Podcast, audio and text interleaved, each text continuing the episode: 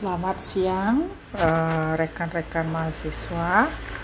Jadi tugas dari saudara sudah saya uh, tugas saudara yang saudara kirimkan itu sudah saya terima. uh, yang terutama yang saya baru amati itu adalah uh, model konseling psikoanalisa ya jadi kelompok saudara jadi yang mendapatkan uh, pendekatan psikoanalisa ya. Saudara sudah uh, membawakannya itu menyampaikannya itu dengan baik. Namun ada beberapa hal yang saya perlu tekankan gitu ya. Jadi bukannya apa namanya bukannya uh, kurang uh, tetapi saya perlu menyempurnakan uh, isi daripada tugas saudara yang berkaitan dengan konseling psikoanalisa. Nah, psikolo psikologi prudian ya yang atau dikenal dengan psikoanalisa itu diperkenalkan oleh Sigmund Freud ya kemudian uh, Freud jadi di sini saya ceritakan sedikit tentang siapa Freud itu gitu ya. Jadi Freud itu merupakan tokoh yang paling berpengaruh terhadap perkembangan psikologi ilmiah. Jadi uh, bahwa setiap orang yang menginjak dewasa ya jadi sebelum tahun 1950-an tentu tahu betapa meresap pengaruh teori dan praktik Freudian bukan hanya khusus di bidang psikoterapi melainkan juga di bidang pendidikan, ilmu hukum, agama, seni, kesusastraan, dan filsafat sosial.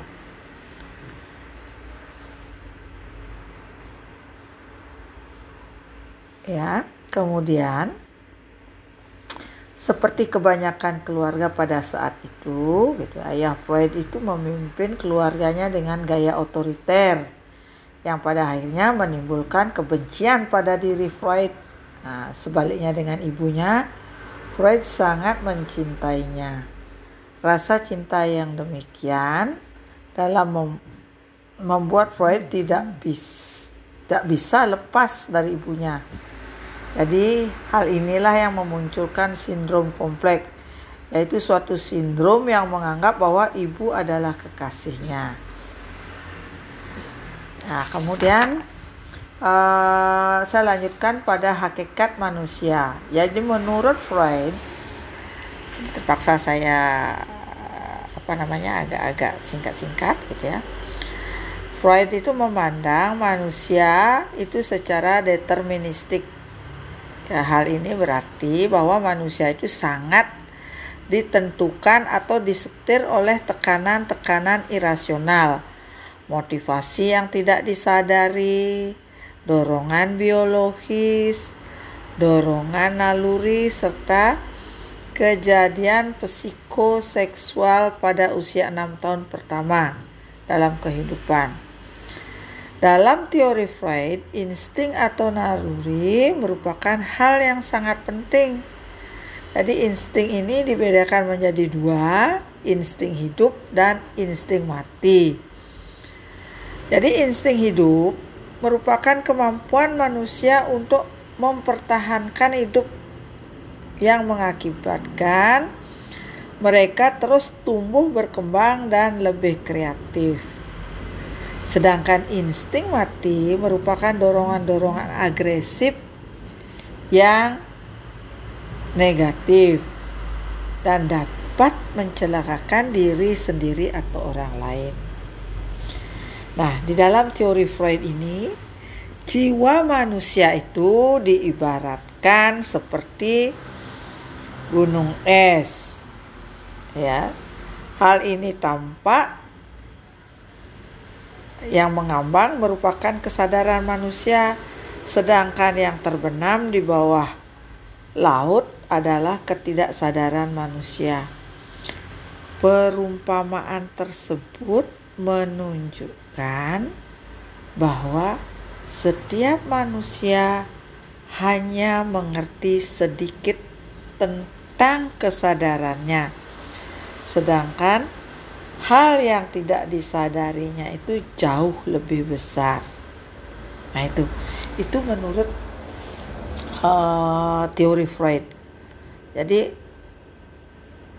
kita berperilaku gitu ya, lebih banyak ditekankan pada hal-hal yang tidak kita sadari ya, yang tidak sadari uh, karena manusia itu sedikit sekali paham tentang kesadarannya. Selanjutnya, uh, teori Freud itu menunjukkan bahwa sistem kepribadian manusia itu terdiri dari id, ego, dan superego. Jadi kinerja sistem ini tidak dapat dipisah-pisahkan antara yang satu dengan yang lainnya. Mereka selaras dalam diri manusia yang disebut dengan proses psikologis. Kemudian uh, di sini saya jelaskan gitu ya. Jadi uh, walaupun itu sudah uh, dibahas oleh kelompok tiga, jadi saya tekankan supaya saudara lebih memudahkan memahami uh, tentang apa itu ego dan super ego. Jadi ed itu merupakan sistem kepribadian yang sangat original jadi original ini mengandung pengertian bahwa ed itu merupakan bawaan sejak lahir dan semua manusia memilikinya. Dengan demikian, sejak manusia lahir mereka dikuasai oleh id. Id adalah sumber naluri dan kurang terorganisasi. Kemudian, pada dasarnya, it selalu mencari kesenangan dan kepuasan dan menolak segala bentuk rasa sakit. Ya. Karena hanya berorientasi pada kesenangan semata, maka sering kali it mempunyai sifat tidak logis dan amoral. amoral. It itu dimotivasi oleh dua insting dasar yaitu insting seksual dan insting agresif. Di mana Freud sering kali menyebutnya sebagai insting destruktif. Jadi letak id, id itu berada di alam bawah sadar manusia. Jadi contoh misalnya pada dari manusia AIDS itu jadi bayi uh, lapar gitu ya atau haus uh, dia akan kalau dia tidak mendapatkan susu dia akan apa namanya mengisap jarinya untuk memenuhi uh, kepuasannya itu dia akan mengisap jari atau jempol tangannya. Nah itu. Kemudian uh, struktur kepribadian manusia menurut yang kedua itu adalah ego. Ego itu akan selalu dia berhubungan dengan dunia nyata. Dalam id manusia, ego mempunyai sifat untuk memerintah, mengendalikan dan mengatur kehidupan seseorang. Hal ini menunjukkan bahwa peran ego adalah mengkontrol sifat id yang buta dan amoral karena berhubungan dengan dunia nyata. Maka sifat ego ini adalah logis dan bertindak realistis dengan kata lain ego akan menjadi penengah antara id dengan dunia nyata. Nah itu. Jadi misalnya saya contohkan antara id dan ego. Jadi seorang anak gitu ya. Jadi begitu dia melihat makanan gitu ya. Dia tidak akan memperdulikan makanannya itu yang penting keinginan uh, keinginnya keinginannya dia untuk memperoleh makanan itu berhasil apakah itu dari hasil mencuri atau tidak gitu. Yang penting dia ingin memuaskan dirinya. Nah di sinilah fungsi uh, uh, peran daripada ego. Jadi ego itu akan mengontrol sifat it yang uh, jadi dia akan uh, mengontrol oh kamu tidak boleh uh, mengambil makanan tersebut gitu ya karena itu bukan uh, milik orang. Nah itu. Jadi dia yang akan mengontrol jadi mengontrol keinginannya dia uh, untuk mengambil uh, makanan tersebut kemudian yang ketiga itu adalah super ego yaitu memiliki memiliki kode moral dan mempertimbangkan hukum hal ini mengarahkan super ego itu akan berbicara tentang nilai-nilai seperti baik, buruk, benar, atau salah, pantas atau tidak pantas. Kemudian super ego itu akan meletakkan segala sesuatunya tidak berdasarkan pada kesenangan tetapi lebih pada kesempurnaan. Hal ini mengartikan super ego berbicara tentang budaya daripada berbicara tentang kebutuhan biologis semata-mata. Nah itu. Jadi seperti contoh yang saya tadi saya katakan gitu ya. Uh, ada makanan, kemudian seorang anak itu ingin mengambil makanan tersebut tanpa dia ingin tahu siapa yang memilikinya. Kemudian uh, fungsi daripada ego di sini adalah mengontrol ya uh, jadi mengendalikan uh, supaya uh, apa namanya supaya Ed itu tidak mengambil uh, makanan tersebut. Nah, di sini juga fungsi super ego itu dia akan mempertimbangkan oh kalau kamu mengambil makanan itu kamu sama halnya dengan pencuri. Nah, di sini super ego itu akan berbicara berkaitan dengan uh, masalah moral gitu ya. Kemudian uh, di sini saya jelaskan uh, tujuan konseling. Tujuan konseling dari psikoanalisa itu adalah mengembalikan fungsi ego agar dapat lebih kuat atau membuat hal-hal yang tidak disadari oleh klien menjadi hal yang disadari sepenuhnya. Jadi proses terapeutik difokuskan pada pengalaman-pengalaman pada masa kanak-kanak. Pengalaman masa lalu itu direkonstruksi kembali, dianalisis dan ditafsirkan. Dengan demikian, jadi klien itu diajak untuk bisa menyadari apa yang telah dilakukan dulu dan merasakannya. Dengan kata lain, perasaan dan ingatan yang berkaitan dengan pemahaman diri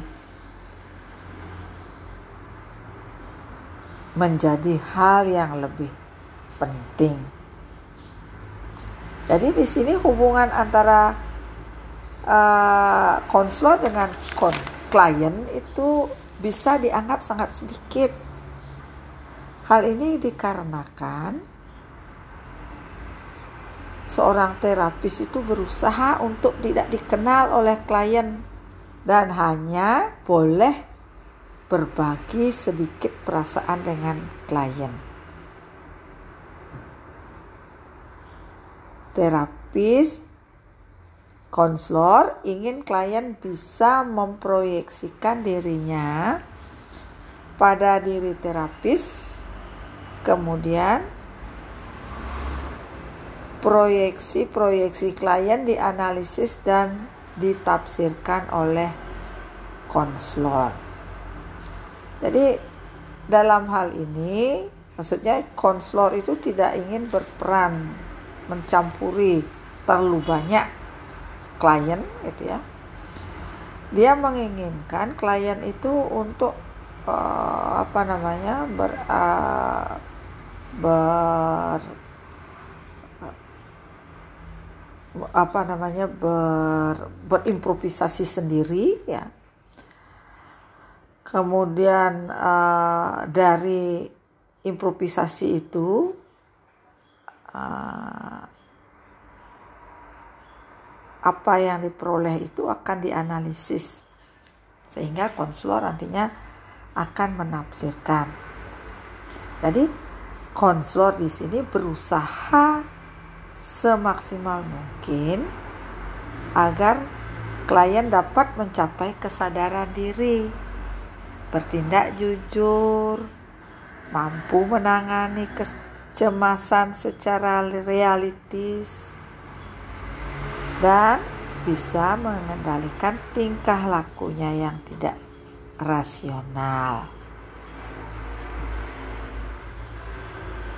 Jadi peran konselor dalam terapi psikoanalisa adalah memberikan lingkungan yang baik untuk mempermudah klien mengeksplorasi masa lalunya dan memperkuat fungsi ego.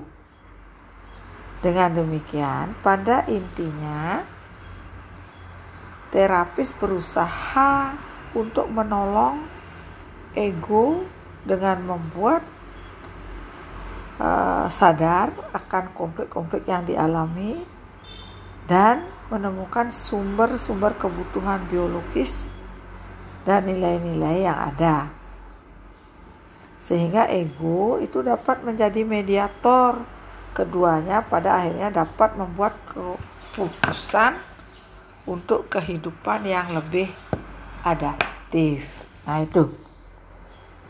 Jadi peran konselor di sini ya, jadi memberikan atmosfer uh, atau lingkungan yang baik ya, untuk dia supaya klien itu lebih mudah untuk mengeksplorasi masa lalunya gitu ya jadi dia belajar dari masa lalunya itu kalau memang itu rasanya perilaku eh, masa lalunya itu yang menyakitkan dia mempelajari uh, dengan apa namanya dengan berusaha sedikit mungkin uh, menekan hal-hal yang negatif dan memperkuat fungsi ego.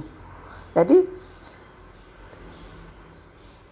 ego ini di, di sini berperan adalah membuat sadar akan konflik yang di, yang dialami dan menemukan sumber kebutuhan biologis dan nilai-nilai yang ada. Jadi di sini teknik apa namanya di sini peran daripada konselor ada di sini saya tekankan menjadi mediator ya sebagai memediasi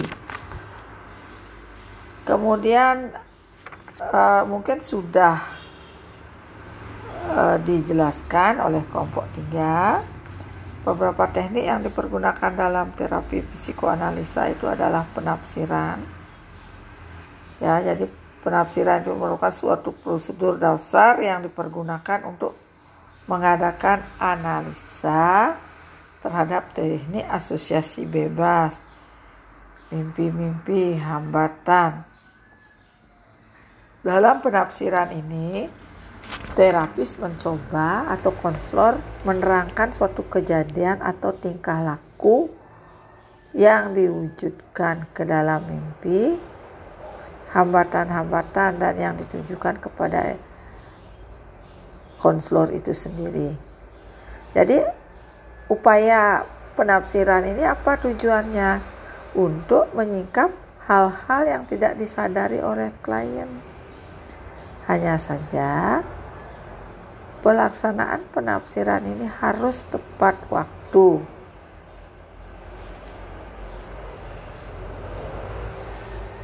Ya. Karena kemungkinan klien itu akan menolak apa yang telah ditafsirkan oleh konselor tentang dirinya.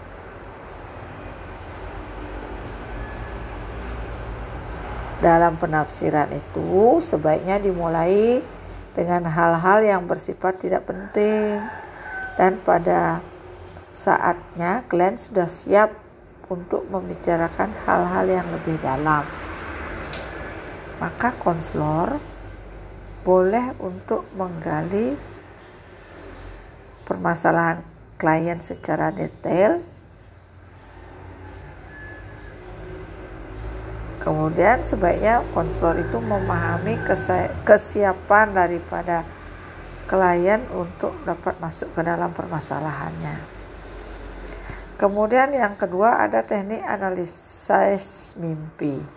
Teknik ini dilaksanakan dengan cara membuat klien tidur dan bermimpi.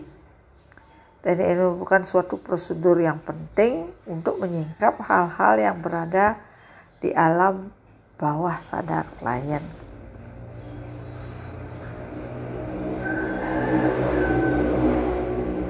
Hal ini dikarenakan Freud meyakini bahwa mimpi merupakan refleksi konflik dari tekanan-tekanan dalam kepribadian manusia. Luapan perasaan yang lama ditekan itu akan muncul dalam bentuk mimpi jadi Freud itu memandang bahwa mimpi-mimpi itu sebagai jalan istimewa menuju ketaksadaran.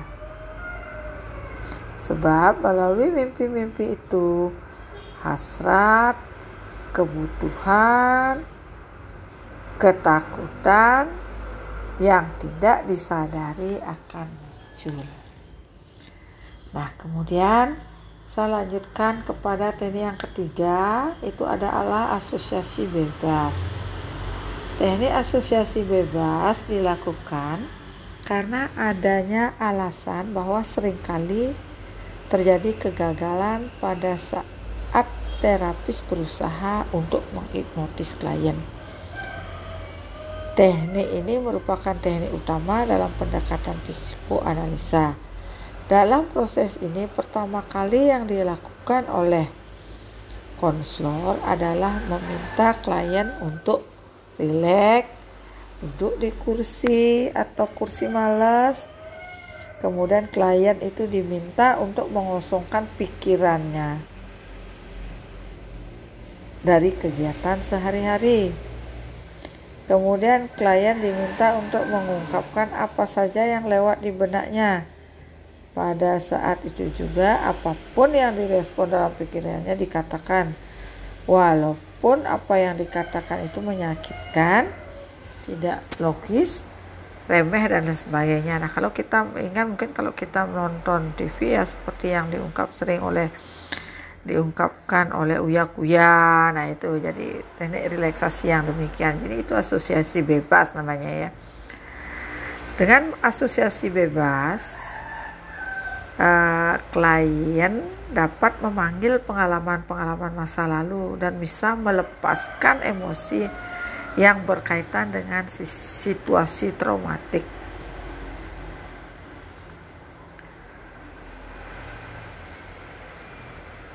Di sini, konselor dapat melacak permasalahan klien melalui ungkapan-ungkapan bebas yang dinyatakan oleh klien.